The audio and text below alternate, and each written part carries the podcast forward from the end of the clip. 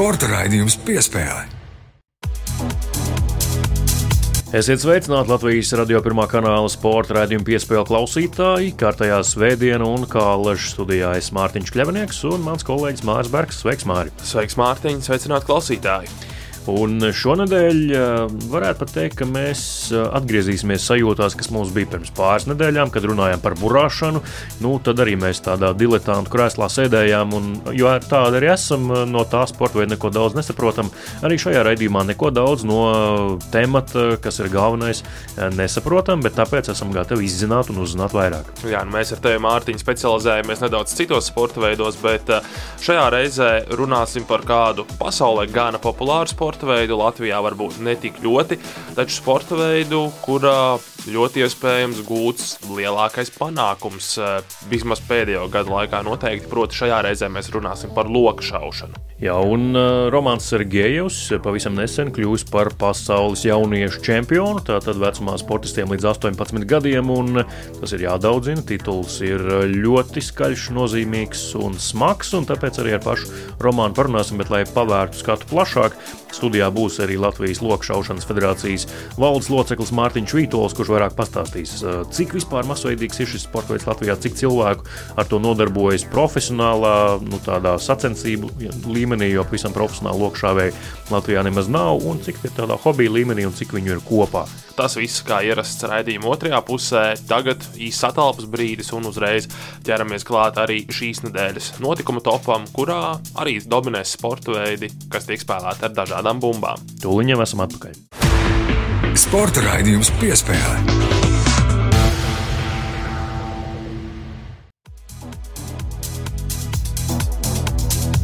Svētdiena Latvijas radio pirmais kanāls, sporta raidījums piespēle un e, nedēļas spilgtāko notikumu topu. Šonadēļ sāksim ar sporta karalu futbolu. Trīs no četrām Latvijas futbola komandām aizvadījušas pirmās kārtas dažādos Eiropas um, futbola turnīros, proti Latvijas čempionu Valmiera izstājās no UEFA Champions League pirmajā kārtā, divu spēļu summā zaudējot Ljubljana Olimpijai. Savukārt Rīgas vienības, Rīga un RFS tika tālāk UEFA konferences līgā, pārvarēja pirmo kvalifikācijas kārtu, un visas četras Latvijas komandas jau satiksies UEFA konferences līgas otrajā kārtā. Tur šīm trim minētajām pievienosies arī Čekaus Auda. Jā, kā Latvijas kausa īpašnieki, viņi tad UEFA konferences līgas kvalifikācijā iesaistās no otrās kārtas. Domāju, Mārtiņ, iesim secīgi līgu, sāksim ar augstāko līmeni, ar Champions League kvalifikāciju.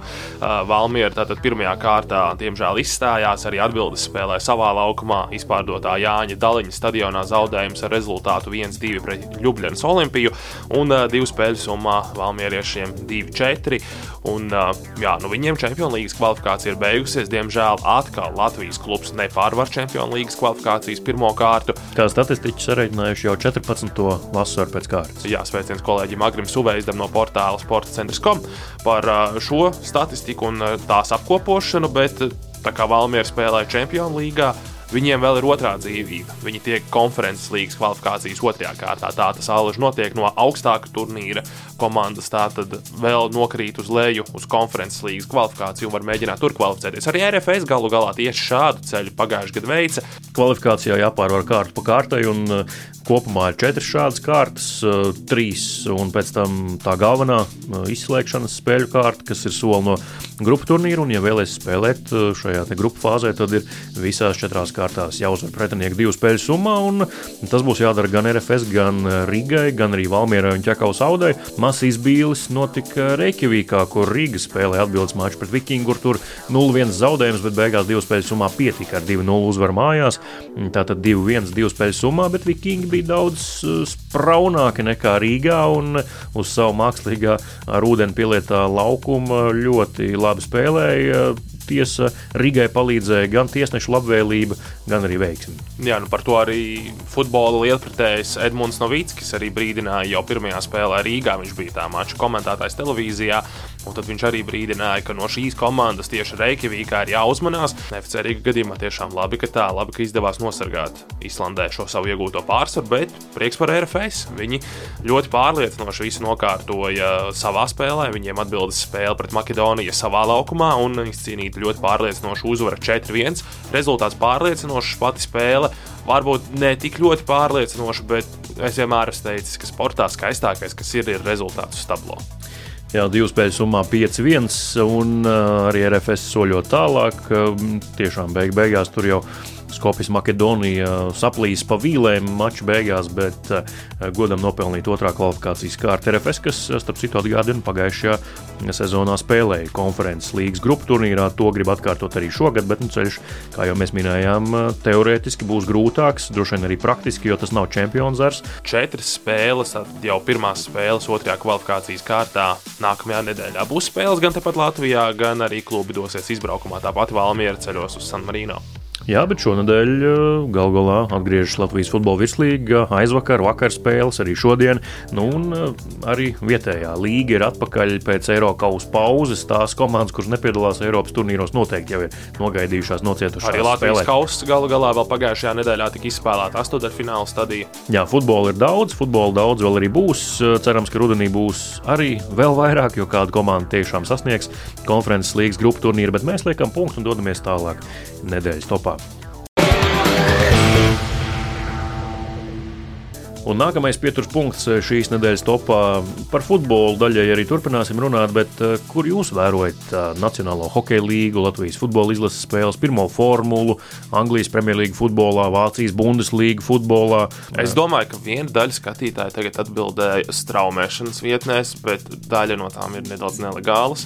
Jā, to nē, to mēs no, nepopularizējam un tā darīt nevajag. Un, principā, nedrīkst arī pēc likuma, tāpēc izmantojam tikai licencētas vietnes. Bet, jā, bez reklāmas, vēlreiz nenosaucot vārdā šo vietni, jau minētā vietne aiziet no Baltijas tirgus atstāja gan Latviju, gan Lietuvu, gan Igauniju. Pirms un diviem gadiem, un ne tikai arī Lielbritānija, arī Ziemeļamerikā pārtrauca šī kompānija savu darbību. Jā, koncentrēsies vairāk uz Ziemeļvalstīm un Nīderlandi, un uh, ienāca ļoti agresīvi tirgu pirms diviem gadiem, uh, masveidīgi pārpērkot tiesības, jau minētie sporta veidi, futbols, tātad uh, pirmā formula, Nacionālā hokeja līga, vēl arī citi, un šeku reku diezgan ātri tas viss izčākstēja. Jā, es domāju, ka sporta līdzekļi ļoti labi saprot saprot, par ko mēs runājam un par kuru tieši kompāniju šeit ir runa, kur mēs redzēsim pirmo formulu, kur mēs redzēsim lielās futbola līnijas, tātad gan Vāciju, gan Angliju, Nacionālā hokeja līnija labā kvalitātē. Būs interesanti, jo pati šī kompānija ir kā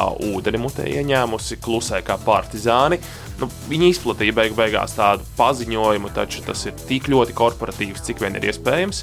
Jums rūpīgi jāsako līdzi informācijas plūsmai, kur ko varēs skatīties un kā mainās raitiesību turētāji. Tas ir ļoti svarīgi, ja vēlaties redzēt uh, jau minētās sacensības. Tieši tā uh, sporta līdzekļiem tas būs ļoti svarīgi un noteikti ir jātur rokas pulss gan vasaras otrajā pusē, gan rudenī, jo tieši tas būs laiks, kad šie jautājumi risināsies. Jā, bet mēs dodamies tālāk pie nedēļas trešā pieturas punkta.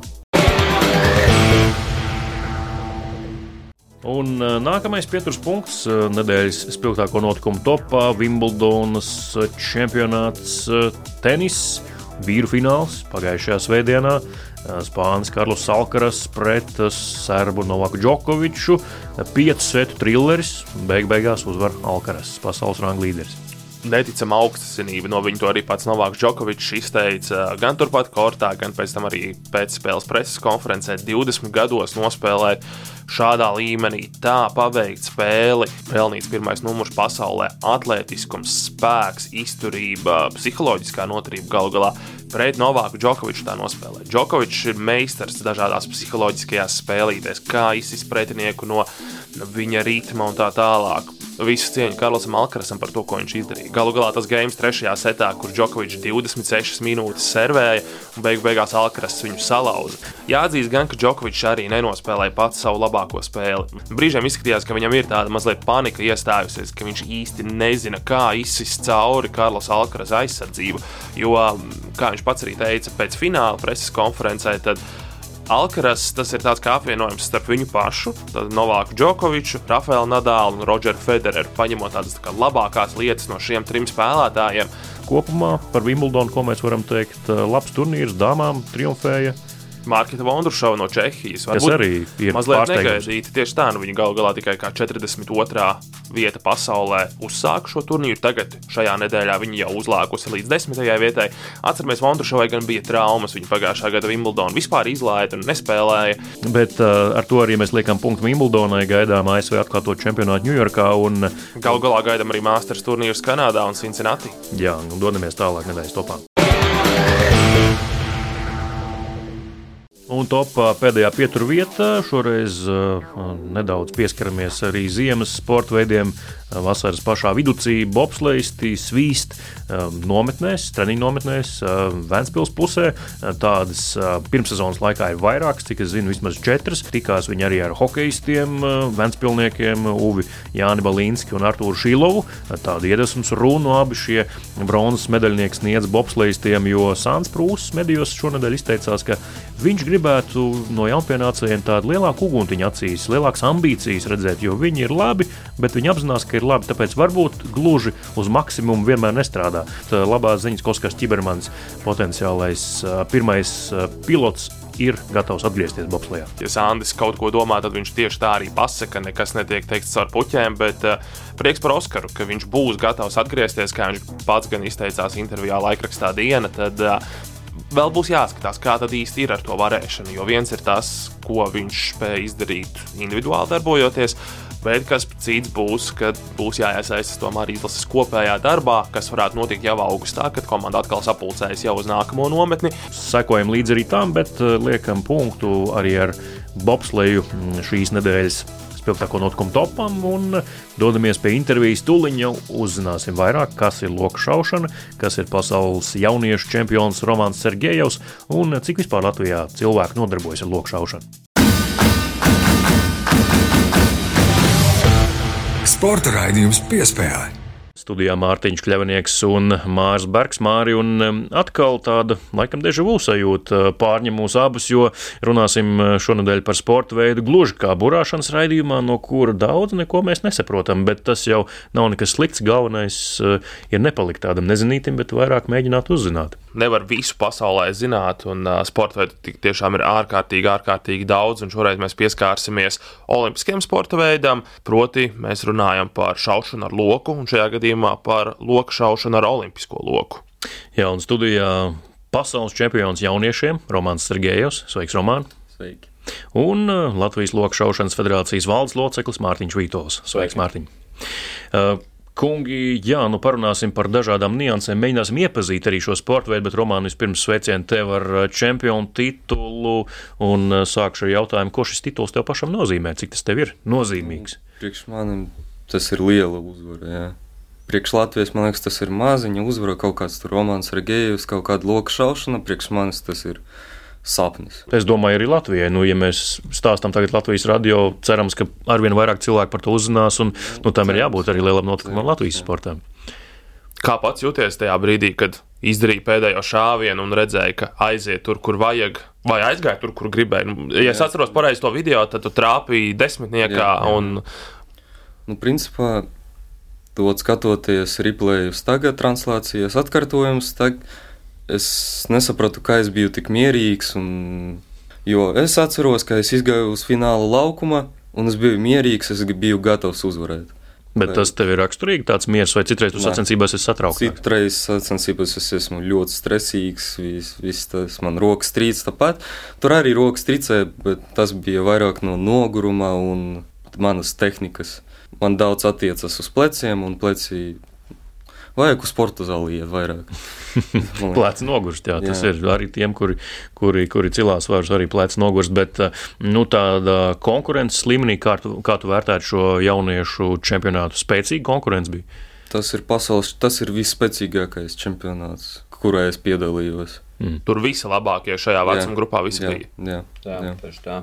Kā ir ar kurās vietās ir šis sporta veids, nu, spēcīgs, kā es minēju, daudz medaļu komplektu ir Olimpiskajās spēlēs, kur, kur šis sports nu, ir tāds izteikti populārāks? Tas ir Mārtiņš. Tā ir jā. Koreja, Numur viens tā ir lokšaušanas lielvalsts faktiski. Tas jau viņiem ir kā nacionālais sporta veids, tur uz lokšaušanu strādā arī inženieri, tehnisks sporta veids. Mm. Tas ir inženieris strādā uz pašu loku vai uz, uz pašu loku.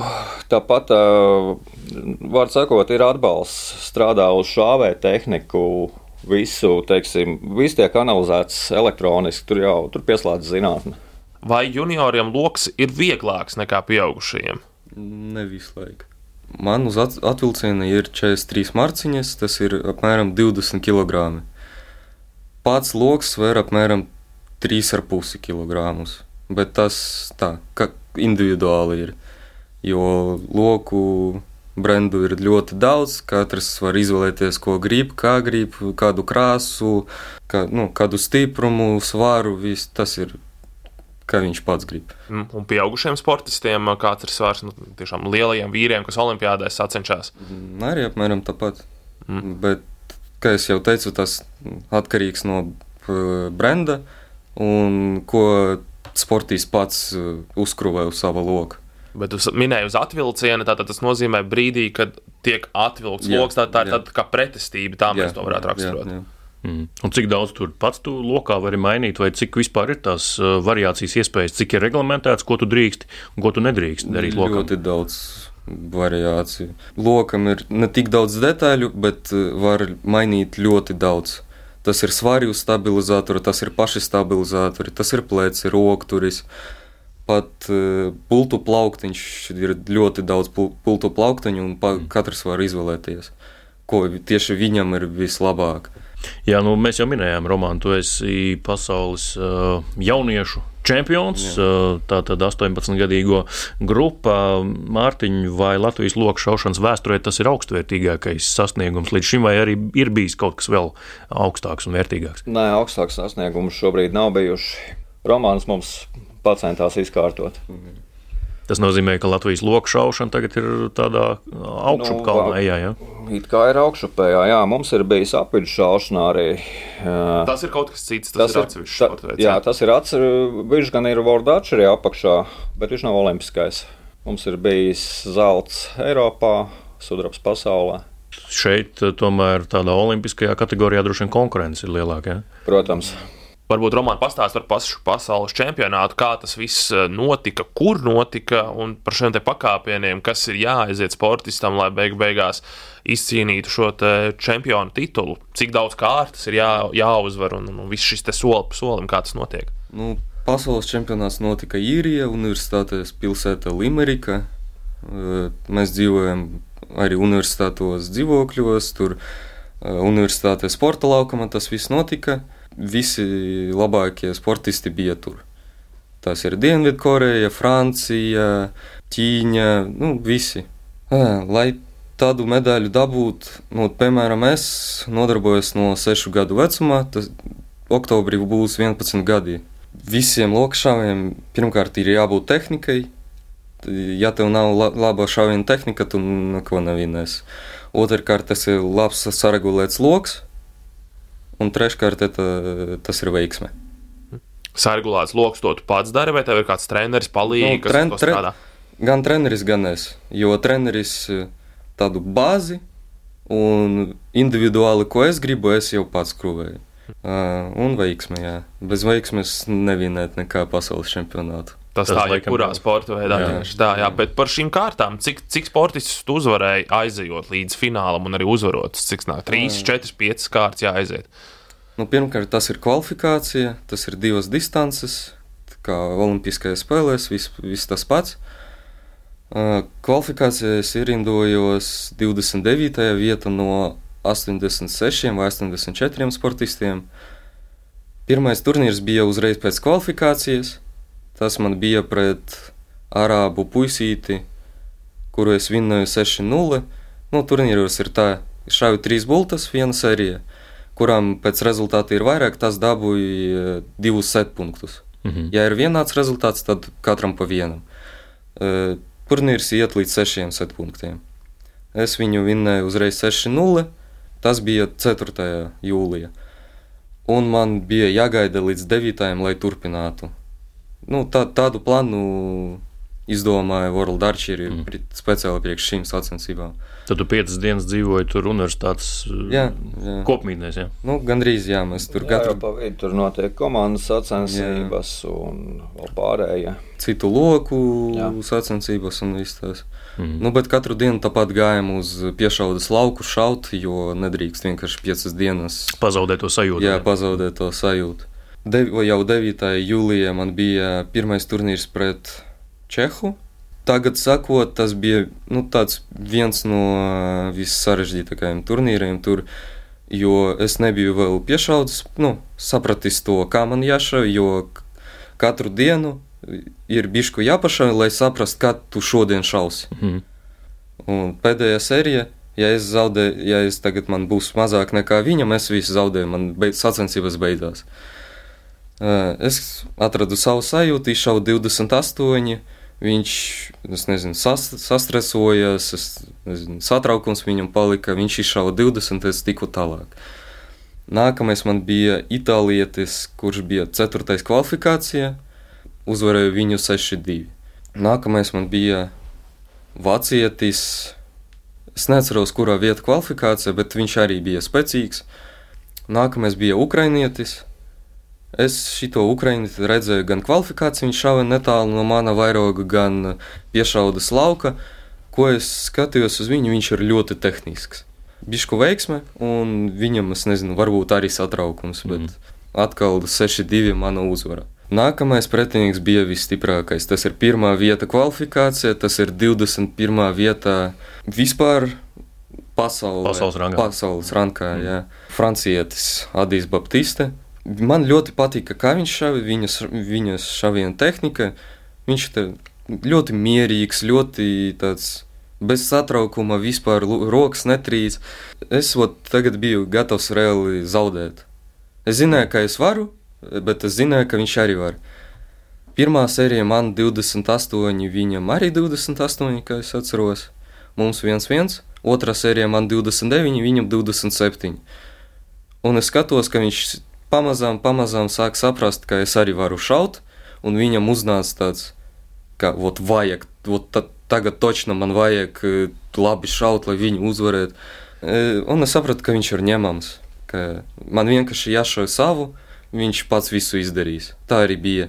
Kad turnīrā ir 5-5, abi loki šāvi šāvu vienu boltu, un kuram ir tuvāk centrā, tas arī vinnē. Trešo šāvienu es iz, izdarīju vienkārši izcili. Man ļoti patika, es sapratu, kā man vajag izšaut nākamajā. Tā ir viena šutofā, uh, un es arī to izdarīju. Francietis izšāva 9, man bija 10. Un es tiku finālā. Uh, Un finālā jau. finālā jau Dienvidkorejā. Jā. Un Dienvidkorejā pirmkārt, pirms finālā, kad mēs gaidījām, kad mums pasaugs, jo tur viss pēc plāna notiek. Pir, pirmās tas ir meitenes par, par bronzu, par zeltu, pēc tam par bronzu puiši, jaunieši, un pēc tam tikai es. Kamēr es gaidīju šo laiku, pirms mums atnāca zibens. Mm. Un tas ir ļoti reta situācija, kad sacensībās tā pa vidu apstāja un iedeva taimautu, ka, nu, kamēr zibens aizies. Bet pagaidījām, zibens aizgāja, atnāca saulīte, ļoti laba, vējš gandrīz pazuda. Es sapratu, ka nu, laika apstākļi izcili, var šaut ļoti labus rezultātus. Un, kā jau teicu, es biju apbrīnojami mierīgs, jo es nezinu, man tāda bija sajūta, ka es jau, ka es ne, pat, ne jau vinnēju, bet ka es varu viņu vinnēt. Mm. Arī, jo korietis bija 26. kvalifikācijā. A Es biju 29. un tas nav par labi. Varbūt viņam kaut kas notika kvalifikācijā, bet. Nu, principā jūs esat vienlīdzīgi spēki. Apmēram, jā. Ja es, tiku, ja es tiku līdz finālam, tad uh, točno mēs esam vienlīdzīgi. Mm. Tad uh, pirmā sērija mums bija 28 pret 28, tas ir 1-1. Otrā sērija man 30, viņam 27, tas ir 3-1 mana labā. Pēc tam trešā sērija arī. Viņam pirmais šāviens 8, man 9. Otrs šāviens viņam 10, man 9. 18, 18. Tas ir vienāds. Un mums palika pa vienai bultai. Viņš šāva 9, tas ir 27 7 kopumā. Es sapratu, ka man vajag vienkārši dzeltenē trapīt. Izdarīju labu šāvienu, bet kaut kā atkal mistis, mistiski aizgāja 8. Tas ir 26 pret 27. Mm -hmm. Tas ir 3-3. Nākamā sērija atkal man pirmā būtu 9, viņam arī 9. Man otra būtu 10, viņam 9, pēc tam viņam 10, man 9. Tas ir 4-4. Un tas ir pēdējā sērija. Vai mums ir šutovs, vai, mums, vai kāds no mums vinnēja. Pirmā bulta man, viņam, viņš pirmais šāva, viņam pirmā bulta desmit, man arī pirmā bulta desmit. Viņam pirma, otrā bulta desmit. Man otrā bulta ne ar vislabāko šāvienu, bet varbūt tieši tajā momentā veiksme man palīdzēja. Man arī desmit. Un varbūt viņam arī atnāca satraukums, viņš izšāva astoņi. Es sapratu, ka man dzeltenais un es esmu pasaules čempions. Un man treneris visu laiku teica, ka, kad tu atnāc uz līnijas, ir tikai tu un mērķis. Viss, nav nekā pārējā. Tieši tajā momentā, ot, kā es atceros, man viss atslēdzas, smadzenes atslēdzas, un tas ir pareizi, ka man atslēdzas viss, man vienkārši ir pievienojies muskuļi. Jā, es ilgi turēju, jo man bija satraukums. Bet... Varēja video redzēt, jā, ka turēju to ilgi. Jā, turēja ilgi, roka sāka trīcēt vēl stiprāk, un, eh, bet šāviens sanāca labs, un tas bija desmit. Un tad jau prieka, eifórija un Jā. gavilis un uzvaras kliedzieni. Nu, protams, noslēgt ar 30 turnīru pret Koreju. Nu. Mhm. Var pievienot, kā mans treneris dažas dienas pirms man, manas uzvaras viņš uzvarēja Eiropas vecmeistaru spēles. Ļoti liela uzvara gan viņam, gan visai lokšaušanai Latvijā. Sveicam arī treneri ar šo titulu, bet uh, īrijā piedalījās kopumā pieci latvieši. Jā, U21, divas meitenes jā, un U18, trīs kopumā. Jā. Tas arī parāda to, nezinu, ka loku šaušana sāk uzņemt apgriezienus Latvijā, vai tas ir apmēram tāds skaitlis, kas tie regulāri piedalās šāda līmeņa sacensībā? Regulāri nepiedalās. Šobrīd, šobrīd jaunieši šauj tā, lai jau varētu piedalīties, lai būtu vērts piedalīties.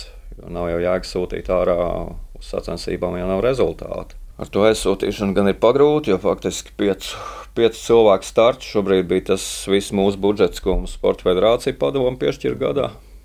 Gada budžetu izmantojāt? Nu, principā, jā, nu, vēl ir loka finansējums un pašu kaut cik, bet jā, nu, jo sacensību izmaksas ir nu, reizes divi salīdzinot ar pagājušo gadu. Mārtiņam šis droši vien jautājums būtu adresējams lokšaušanā, panākumu junioru vecumā. Tas tā kā mēdz pārvērsties par panākumiem arī pieaugušo vecumā, vai tā nenotiek? Tā notiek.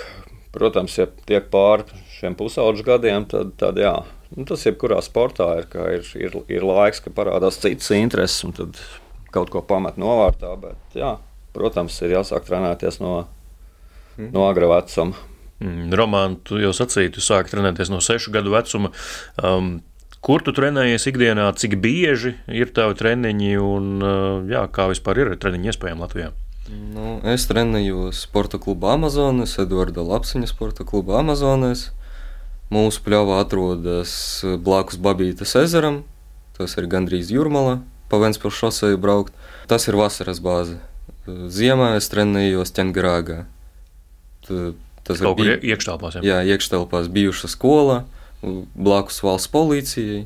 Cik bieži tas, tas ir atkarīgs no manām darīšanām, arī ar skolu atkarīgs. Tur, uh, ar... nu, cik treniņiem minimāli jābūt nedēļā? Nu, cik mazāk par cik nedrīkst būt? Jā, Divi, ja kāds grib šaut pasaules čempionātus, tad četras, četras treniņi.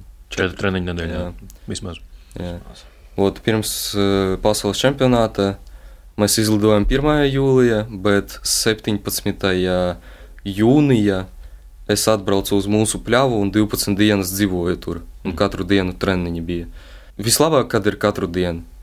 Līdz 18 gadiem pasaules čempionātā šāvu uz 60 metriem, bet nākamgad vai divus gadus pēc šī es šaušu 70, jo būšu juniors un gan olimpiskā distance ir 70 metri, kā jebkuram. Visi spēki ies uz olimpiādu, lai dabūtu kvotu uz viņu. Tā tad arī tu pats vēl vari mēģināt kvalificēties jā, Parīzē. Jā. Kāds ir tas ceļš, pastāstīt, varbūt radio klausītājiem, nu, ka, kam ir jāizpildās, kas tev ir jāizdara pašam, lai tu nokļūtu Parīzē? Pirmkārt, tas ir aizbraukt eh, uz uh, pasaules čempionātu ar pieaugušu, pieaugušu izlasi, ko es 28. jau izdarīšu. Es 28. braukšu uz Berlīni uz pasaules čempionātu. Jūlijā. Tātad jau šomēnes. Jā, mm. jā. Un tur būs iespēja dabūt kvotu uz Parīzi. Ja izšauju precīzi 640 punkti vai vairāk, kvalifikācija. Un jāiziet līdz, es neceros kādai vietai turnīros, bet tas nav ka, tā kā uzvarēt vienu turnīru un to esi Parīzi. Nē, tas ir kādi 3-4 turnīri, kā minimums. Varbūt vairāk, es neceros. Berlīne būs iespēja dabūt kvotu, darīsim visu, lai viņu dabūtu. Pēc, Seši- pēc tam būs vēl kāds iespējas, jā, vēl kāda kvalifikācijas turnīra. E, Ja federācija būs nauda, tad mēs brauksim uz kādām citām iespējām. Mm. 640 punkti jāsašauj kā minimums. Cik grūti to ir izdarīt, cik daudz tas ir. Beigu beigās tas ir tā, ir tāda 600 augsta latiņa. Tas ir 640 punkti no 720. Tā tad diezgan daudz. Tas ir diezgan daudz, bet skatoties, kas ir 640 punkti Latvijā, kur gandrīz nekas viņus nešauj, un kas ir 640 punkti pasaulē, tas ir. Nu, nezinu, varbūt tu neiesiesi kvalifikāciju ar, seš, ar 640 punktiem. Pasaulē Tu esi tas nav nekas tāds. Tātad, Jā, tu esi kādreiz sešās 640. Mm, No 70 metriem ne. Mm. Tikai uz 60. Jo uz 70 metriem es trenējos, bet eh, nešauju tik daudz. Federācija, cik var pastāstīt uh, radījuma piespēļu klausītājiem, cik vispār plašs ir šis sporta veids. Nu, es nezinu, vai jums ir reģistrs, sports reģistrs kā hokeja, cik tiešām nodarbojas, bet aptuveni lēšot, cik latvieši nodarbojas ar lokšaušanu. Sporta reģistrs mums ir, mums, protams, ir dati jānodod vienmēr. Pēc jaunā sportists ir tas, kas piedalās re, divreiz gadā sacensībās. Šobrīd mums ir kaut kādi nepilni 200 sportisti. Piedalās vismaz Latvijas mēra līmeņa sacensībās. Un, Var sakot, piedalās. Protams, ir neaktīvi, kas nebrauc uz sacensībām. Viņi vienkārši labi pavada laiku, viņiem patīk šaut, un viņi neiet uz rezultātu. Tāda amatieru kustība. jā. Amatieru kustība varētu būt vēl plus kaut kāds simts. Jautājums arī, ko gribējām uzdot jums abiem, eh, kas man ienāca prātā vienkārši gatavojot šo interviju, vai lokus tiek klasificēts kā ierocis, un tas ir kaut kā jāreģistrē, un tad arī īpaši jāpārvadā. Latvijā nē. Tas kvalificējas kā sporta inventārs. Mm. Jā, visu laiku, kad mēs kaut kur lidojam, lidosta mums prasa, ka, kas tas ir. Mēs sporta inventārs nekā vairāk. Ir jāvelk ārā, jārāda lidostā vai Nē, nav. nē, nē. bultas jums ir savs vai tās sacensību rīkotāji dod? Savas obligāti savas, katram bultas ir in- individuāla lieta. Jo viņas atšķiras pēc garuma un pēc spaina. Tas ir cietība. Cietība. Tas ir līdzīgi kā šautriņu metēji, ja viņiem arī ir piestrādāts Jā, tur pēc jā, svara, jā, pēc jā. tam, tās Tā astītes, tās saucamās. Tā, tā, tā ir visi vesela zinātne. tur. Piemēram, eh, es nevaru paņemt kādu citu loku un izšaut savu tādu pašu rezultātu, kā es šauju ar savu. Tas nav vienkārši reāli. Bet 640 tā, tā ir kvalifikācijas norma, 720 tas ir maksimālais, ko var iegūt. Jā. Kas skaitās pieaugušo sacensībās, tāds tiešām augstvērtīgs rezultāts. Varbūt ne gluži uzreiz olimpiskais vai pasaules čempions ar to būsi, bet kas tiešām skaitās labs rezultāts. Tāds elites rezultāts. Jā. Nu, 690. Plus. Jā. Pasaules rekords ir 702. Mm, tad neviens 720 nav sašāvis. Nē, tas nav pat kompaktloka, kur eh, pasaules rekords, man liekas, 718 vai 715. ne- Nevienu reizi 720 sacensībos nebija redzams. Bet par loku šaušanu kā tādu, kā sporta veidu, man arī vērojot, mm, pārcelājot kaut kādas fotogrāfijas, kur romāns ir redzams sacensībās, eh, romāna, vai pareizi, ka tu esi startējis kādās sacensībās arī pāri ar paralokšā vai jau mēli, vai ne? Ir tādas. Eh? Grobiņā, jā, mums bija pirms tā sacensībās. Mēs tikām pēc kvalifikācijas, mēs tikām Mikls komandās, es ar viņu. Mhm. Un arī uzvarējām. Vai var teikt, eh, ka loku šaušana ir viens no tādiem iekļaujošākiem sporta veidiem, kur eh, pēc, nu, iespējams tuvāk var būt sportists un parasportists savā spējās. Tur atšķirība var- ir. ar kustību traucējumiem arī, ir iespējas. Principā parasportisti, kas viņš šā kopējā Sacenšas jā, ar jā, ar uh, parastiem lokšāvēm. Tagad varam. Bet atgriežoties pie Olimpisko spēļu jautājuma, tad Parīzi, nu, tā realistiski raugoties, cik ir labas cerības tikt uz Parīzi, vai tomēr nu, tā, tā reāli ir jādomā par Losandželosu 28. gadā? Es domāju, ka vairāk par Losandželosu, bet cerēsim uz Parīzi, bet gatavosimies Losandželosai. Tā tad eh, novēlam Romanam būt Losandželosā. Cerams, ka arī mēs tur būsim un satiksimies. Cerams, jau ka Parīzē gal galā tā Bet- pirmā olimpiskā pieredze, un tad jau Losandželosā uz rezultātu. Bet iespējams arī, ka Parīzē, jā, nu, ja tas notiek, tad arī būsim priecīgi. Bet eh, noslēgumā vēl, eh, kur tad mēs, nu, piemēram, tādi absolūti, kā saka, diletanti, kuri īsti loku nav rokās nekad turējuši un bultas, mm, vienīgi paštaisītos varbūt bērnībā, kur var sākt, eh, kā ar loku šaušanu nodarboties, ja nu kāds mūs šobrīd klausās, kuram ļoti gribētos pamēģināt. Kā to vispār uzsākt? Ļoti vienkārši sameklēt tuvāko klubu. Klubu ir diezgan daudz. Arī- 16 klubi Jā, Latvijā. vienīgais reģions, kur lokšaušana nav tā ar Latviju, tur nav šobrīd neviena kluba, bet pārējos ir, nu, nu jau ir diezgan daudz. Mm -hmm. Tur vienkārši atšķiram mājaslapā, atšķiram LV, paskatāmies klubu sarakstu un droši. Mēs, mēs, mēs visi būsim priecīgi, ja mēs būsim vairāk. Jā. Bet tādi pirmreizēji nodarbība apmeklētāji var atnākt arī nu, vienkārši bez nekā. Droši var atnākt jā. bez nekā. Ir inte- inventārs, ko var piedāvāt. jā. Inventāri vis, nu, visiem klubiem ir ko iesācējiem iedot. Es noteikti, pirmo jā. gadu man Tieši tā. nebija manā. Mhm. Man visu klubs deva. Nu, redz, kā, tā tad ā, pamēģinot klubā, bez inventāra, var izaugt līdz pasaules čempionātam, Var. čempionam Un, ja jauniešiem. negrib augt līdz pasaules čempionam, tad mierīgi var iet pa mežu, apīt šādu. Tur Jā. nu, tiešām tas ir labi pavadīts laiks. Es tieši arī gribēju vaicāt, mēs jau par to infrastruktūru izrunājām, bet nu, tādai hobiju šaušanai, kas ir vajadzīgs tikai tāda plaša vieta, kur nav cilvēku, ja, un tu vari iet. Jā, un būtu uztvērējis, lai nebojātu būtus un lūdzu. Un, principā, tā hobija līmenī inventārs un tas sporta veids ir ļoti lēts salīdzinoši ar pārējiem. Ko tas dod ikdienai, tādai, nu, tā, nezinu, tā cilvēkam, kā, kā personībai, kā fiziskam ķermenim. Vai Faktiski es pats sāku tikai tāpēc, ka bija tāds skrējiens, un pēkšņi kaimiņš tur sāka ar loku šaut. Es aizbraucu, viņš paaicināja uz treniņu līdzi. Sapratu tajā brīdī, kad tu sāc šaut, un tu nedomā par tām ikdienas problēmām. Tu, tu šauji, tu esi savu loku, mierīgi, Attīri galvu. no ikdienas. galvu. Tad eh, tiem, kuri vēlas, eh, meklējam Latvijas Loku šaušanas federācijas mājaslapā, arčerī.lv un eh, tuvāko savai dzīvesvietai klubu, un tad jau pārējo visu arī klubu mm, vadītāji norganizēs. Paldies jums, ka atnācāt Romāns Sergejovs, pasaules čempions jauniešiem loku šaušanā, un, un Mārtiņš Vītols, Latvijas Loku šaušanas federācijas valdes loceklis. Liels paldies jums abiem, ka atnācāt šodien pastāstīt par loku šaušanu. Es domāju, nu mums tiešām ar Māri bija interesanti. Cerams, ka arī klausītājiem, un uh, cerams, ka arī šī saruna uh, kaut kādā mērā varbūt vairos loka šāvēju pulku Latvijā un to kuplinās. Paldies! Tieši tā, ja kaut viens pēc šīs sarunas noklausīšanās aizies un pamēģinās loku šaušanu, mēs jau varēsim justies apmierināti ar sevi. Paldies, ka atnācāt un ā, vēlēsim panākumus arī turpmākajā karjerā. Paldies jums! Paldies! Piespēle. Tāda lūk saruna ar Romānu Sergejevu un Mārtiņu Vītolu par loku šaušanu. Un piebildīsim to, ka, ja tagad gaidāt uh, sekojošo rubriku, kas lācītim vēderā, tad uh, šajā raidījumā mēs izdomājam, ka tā ir jau iekļauta intervijā. Dzirdējāt visu par un ap lokiem, bultām, uh, atvilcienu spēku, pretestību, tā tālāk. Tā tālāk.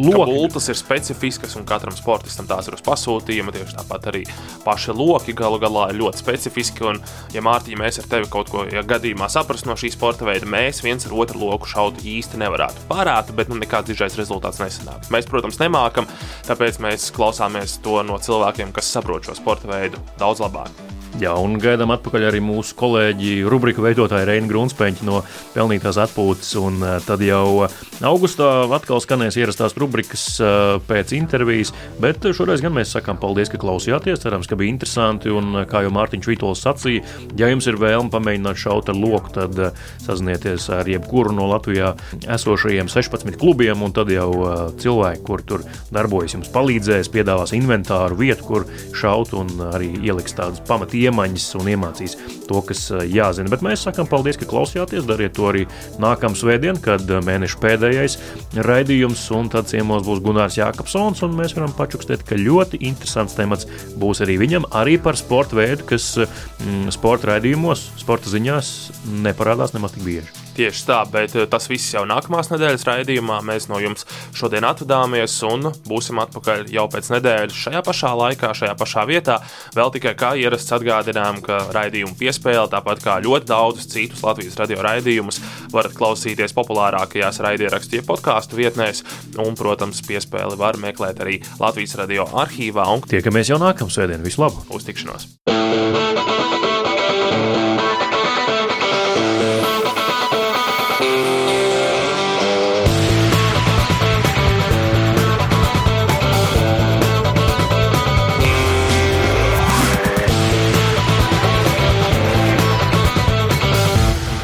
Sporta raidījums piespēle.